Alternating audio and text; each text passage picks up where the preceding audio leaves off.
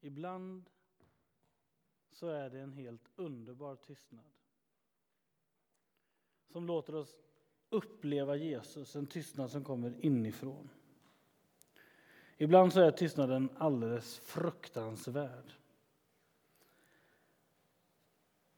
När vi ber och ber fast vi varken hör eller upplever Jesus. För vissa är tystnaden en förbannelse och för andra är tystnaden något, en otrolig välsignelse. Och så växlar det lite från och till. Herre, jag tackar dig så mycket för att du är mitt ibland oss, Herre.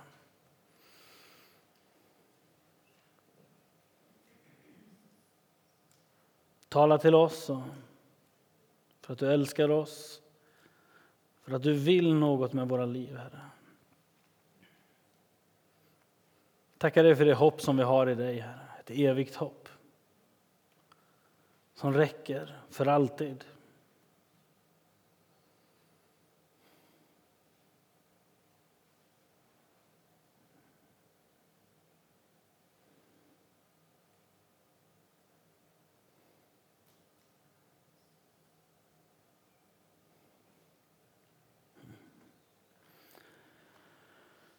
Förra veckan så predikade Julia om att bygga sitt liv på honom, på Jesus.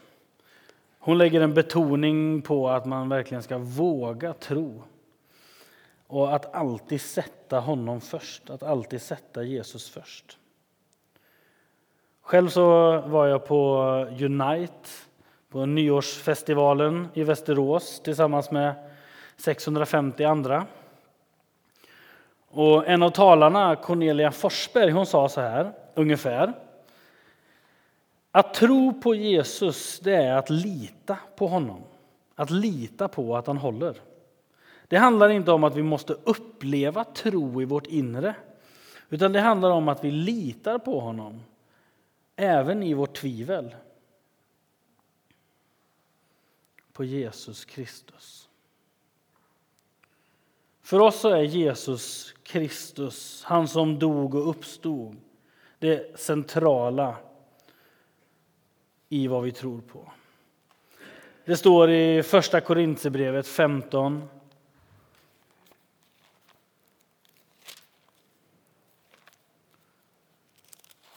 Första Korintierbrevet 15, vers 17 20.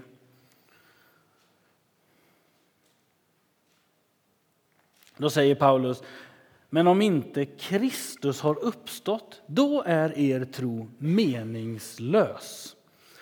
Och ni är fortfarande kvar i era synder.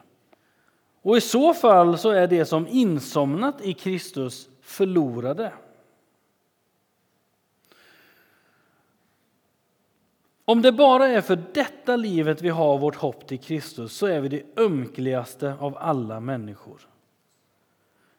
Men nu har Kristus verkligen uppstått från de döda som förstlingen av de insomnade. Halleluja! Det är till detta vi sätter vårt hopp. För att Jesus dog och uppstod. Vi tror att han är Messias, den som Gamla testamentet talar om. Han som är centrum av allting. Det är genom Jesus som vi har en relation med Gud. Det är genom Jesus som vi kan ta emot den helige Ande. Och det är på denna heliga treenighet som vi sätter vårt lit. Fast det är ju inte alltid enkelt att lita på Jesus. Det är väldigt lätt att säga. Speciellt är det svårt eftersom att det inte alltid riktigt blir som vi själva vill. Som Elins hemgångna farmor sa. Jag ber till Jesus och säger vad han ska göra, men så gör han vad han vill ändå. Så många gånger, oräkneliga många gånger, har jag blivit besviken på Gud. av en massa olika anledningar. Små eller stora, inte minst uteblivna helanden. Men ändå, trots det, så har jag funnit att Jesus faktiskt är sanning och att han håller. Vet, ibland så har jag varit nere i en djup avgrund och bara velat avsäga mig allt vad tro heter. Men så har jag liksom inte kunnat det för att det sitter här inne djupt. Djupare än avgrunden sitter det. Ja, förutom den där sommaren 2009. Jag kanske har nämnt den förut. Sommaren jag inte trodde på Gud. Det var en välsignelse för mig. Helt plötsligt så stod jag där och fick välja utan att han la sig i allt för mycket. Jag upplevde ingenting. Jag upplevde verkligen att nej, jag tror inte. Så hela den sommaren så funderade jag på okay, vad ska jag välja? Vad ska jag tro på? Vilket spår ska jag gå? Jag vägde eh, under mot inbildning. Jag vägde besvikelser mot upplevelser och glädjeämnen. Jag vägde de olika tankarna kring evigheten. Och så bestämde jag mig på hösten att jag fortsätter att följa Jesus. Och så hade jag en alfakurs tillsammans med Tobias i Norrköping och ledde alfa under ett halvår. Det är ju sånt man kan göra även fast man inte direkt tror. För ibland så kan man ju bara glida på kunskap. Det gick väldigt bra. Och sen på, i januari så fick jag förnimma att Jesus är sanning.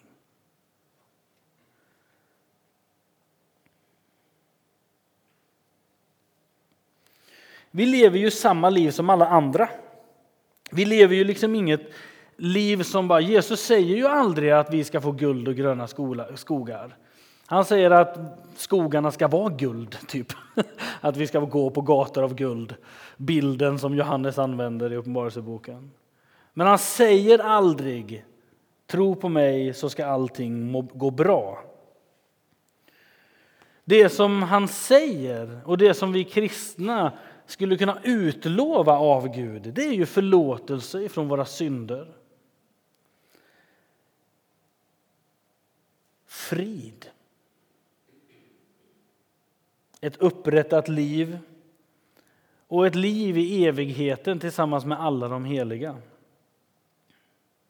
Men vi kommer också drabbas av sjukdomar, lidande, svek, frestelse, prövningar och inte minst ofullkomlighet. Och ändå så ska vi försöka hålla fast i den här glädjen. Glädjen i Kristus. I första Petrus 4 och 12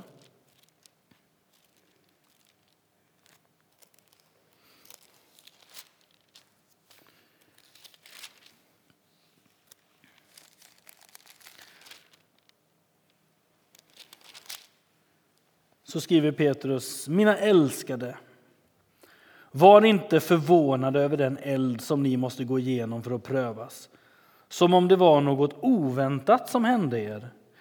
Nej, gläd er ju mer ni delar Kristi lidanden. Då ska ni också få jubla och vara glada när han uppenbarar sig i sin härlighet.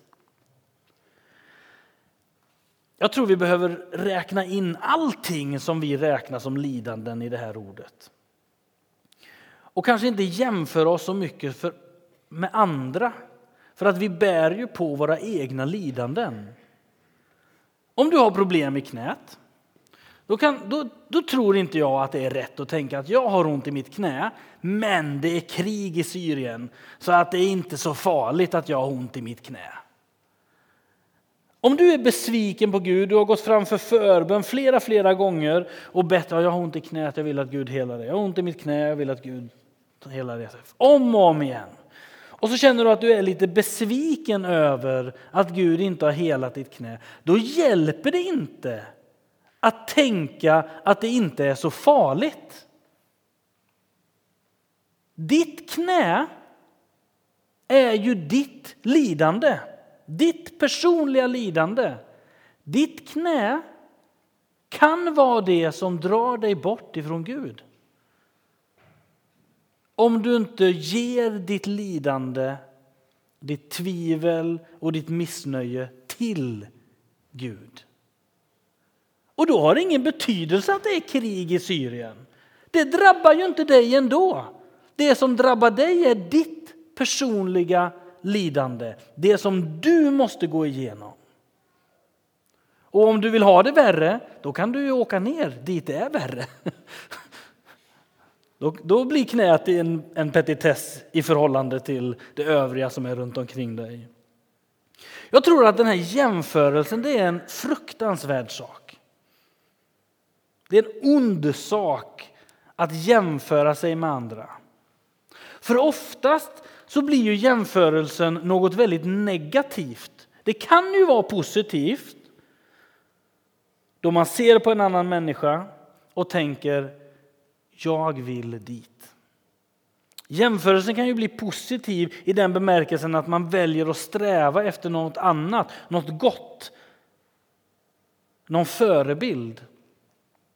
Men oftast så är ju jämförelsen något väldigt negativt där vi trycker ner oss själva och tänker att den är så mycket bättre än jag. Det föder inte tro. Det dödar tro. Det för oss inte närmare Jesus. Jag tror att vi behöver ta våra lidanden på allvar. För att vi ska kunna lita på Gud helt och hållet, alltså ha tro på honom, så behöver vi leva i det som vi är i. Ta våra lidanden på allvar och ta dem med Jesus, med källan av liv. Den enda som kan hjälpa dig att hantera dina lidanden. Ibland helar han. Men ibland så hjälper han dig igenom.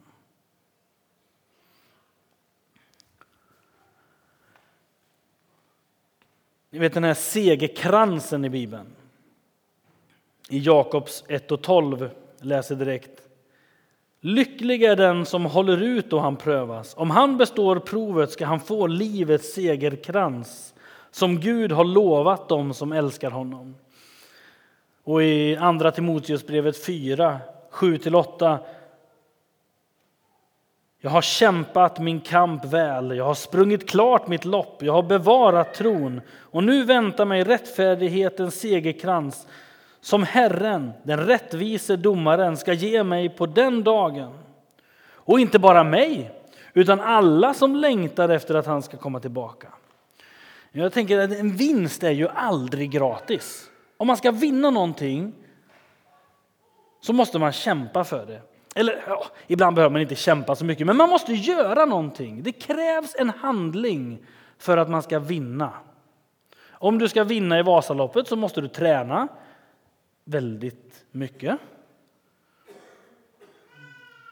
Om du ska vinna På spåret så behöver du läsa väldigt mycket. Du behöver titta på nyheter och bli allmänbildad.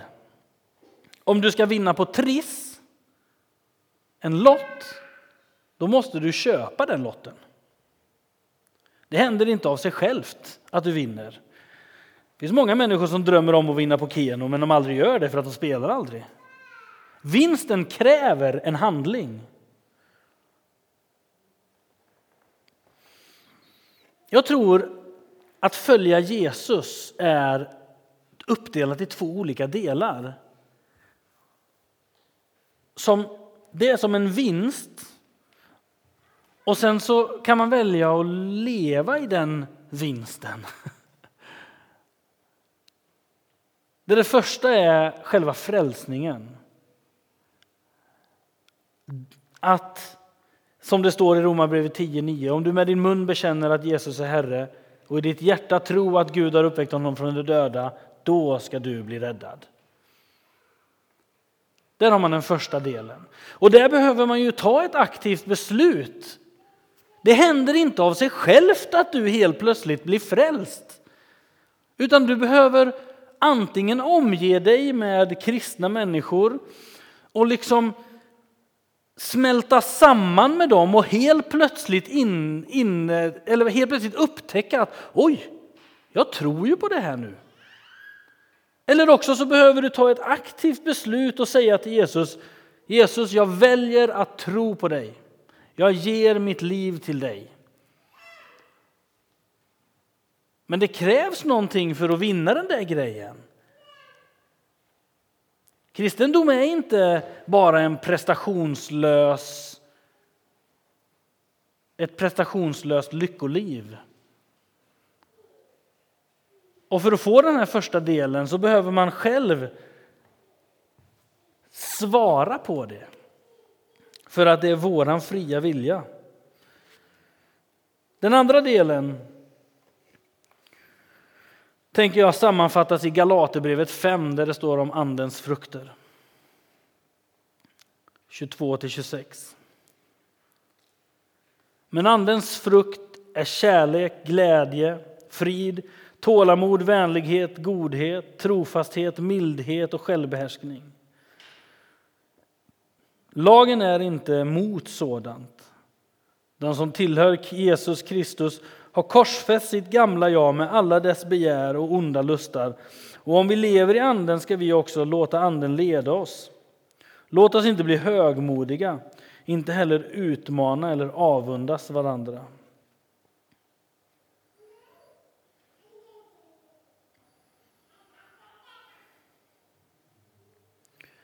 Jag tänker det här att sätta sin tillit till Gud är att lita helt på honom.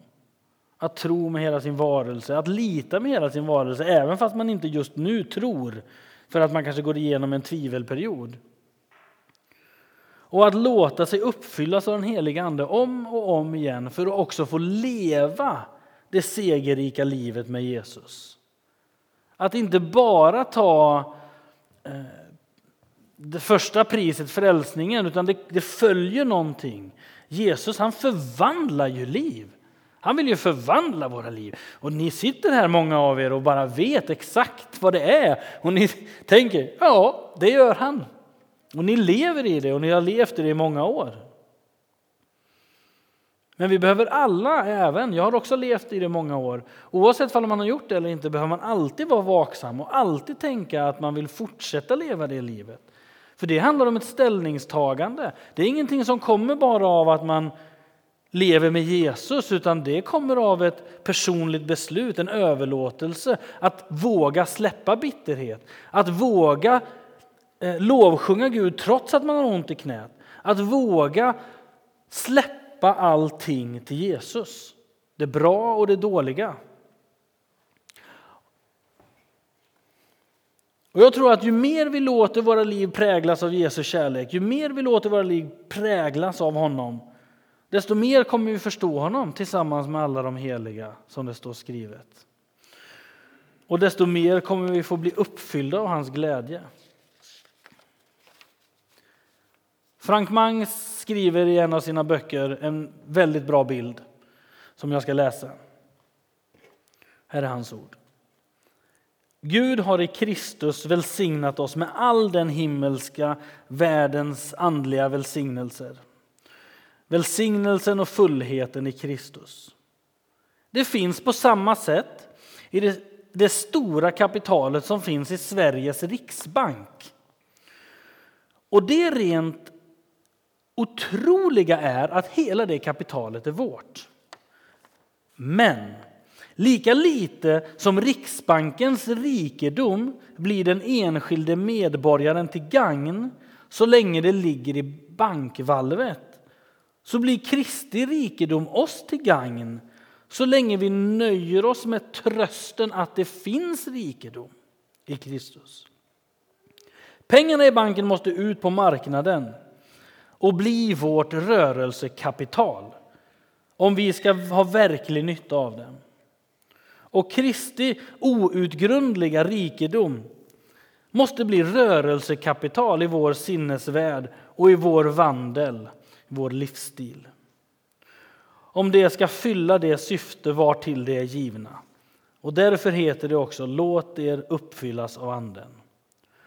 Ja, förlåtelsen och livet det får du automatiskt då du tar emot Jesus som din frälsare. Men sedan ligger en hel värld av andliga rikedomar och väntar på dig. Ni vet, det är inget krav. Det är en möjlighet. Det är något gott. Gud och Jesus han tänker inte så här, nu är du kristen, nu ska du minsann prestera en massa också. Nej, nu får du prestera en massa också. Se vad du får. Se vad du får vara med om i Jesus. Om du svarar på min personliga kallelse till ditt liv. Jämför inte med massa andra vad de gör. Bry dig inte om Andreas Skogholm som står upp och predikar. Gör det du ska göra för mig, säger Jesus. Vet, om det bara är att leda en enda människa till Jesus, då är det det som är. Då är det din uppgift. Och det finns många som har lett en enda människa till Jesus. Och den människan i sin tur har lett tusentals. För att någon först svarade på sin personliga kallelse så att nästa kunde svara på sin. Du kan få vara med och se blinda få sin syn tillbaka. Du kan få vara med och profetera in i människors liv. Allt det här som Bibeln lovar, alla de rikedomar. Tänk. Tänk den kärlek Gud har för andra människor. Om vi liksom släpper vårt eget jag, släpper vår egen person och låter Jesus forma oss. Låter hans tankar, hans plan för våra liv ligga det som är närmast.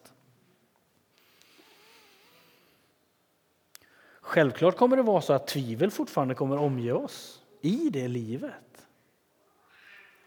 Det var någon av er som sa, jag kommer inte ihåg vem det var nu, men Georg Gustafsson, han, den kände predikanten, några av er vet vem det är.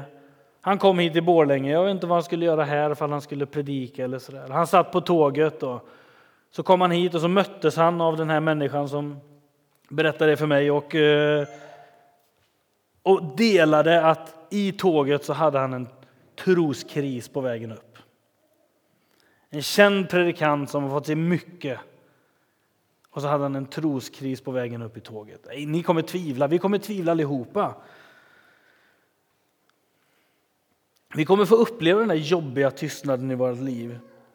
Men när vi håller ut och när vi bestämmer oss för det, när vi kämpar den goda kampen, då kommer vi få se att Jesus är den han säger att han är. Och i dödens tystnad så ligger min övertygelse i att vi kommer få möta den uppståndne på riktigt. Vi kommer få uppstå med honom. Till detta sätter jag min tro och mitt hopp. Det här vill jag ska klinga i mitt liv. Herre, låt det klinga i vårt liv, Herre. Fyll vårt liv med hopp, Herre. Tala till oss, Herre. Låt oss få höra din röst. Säg till oss vad vi ska göra och låt oss lyssna. Låt oss lägga bort vår egen bekvämlighet för ditt rikes skull, för någonting som är bättre än bekvämlighet. För det som är liv och kärlek. Herre, fyll våra hjärtan med tro. Låt oss få lita på dig helt, helt och fullt, naivt, barnsligt. Låt oss ta beslut efter beslut att följa dig, Herre. I Jesu namn. Amen.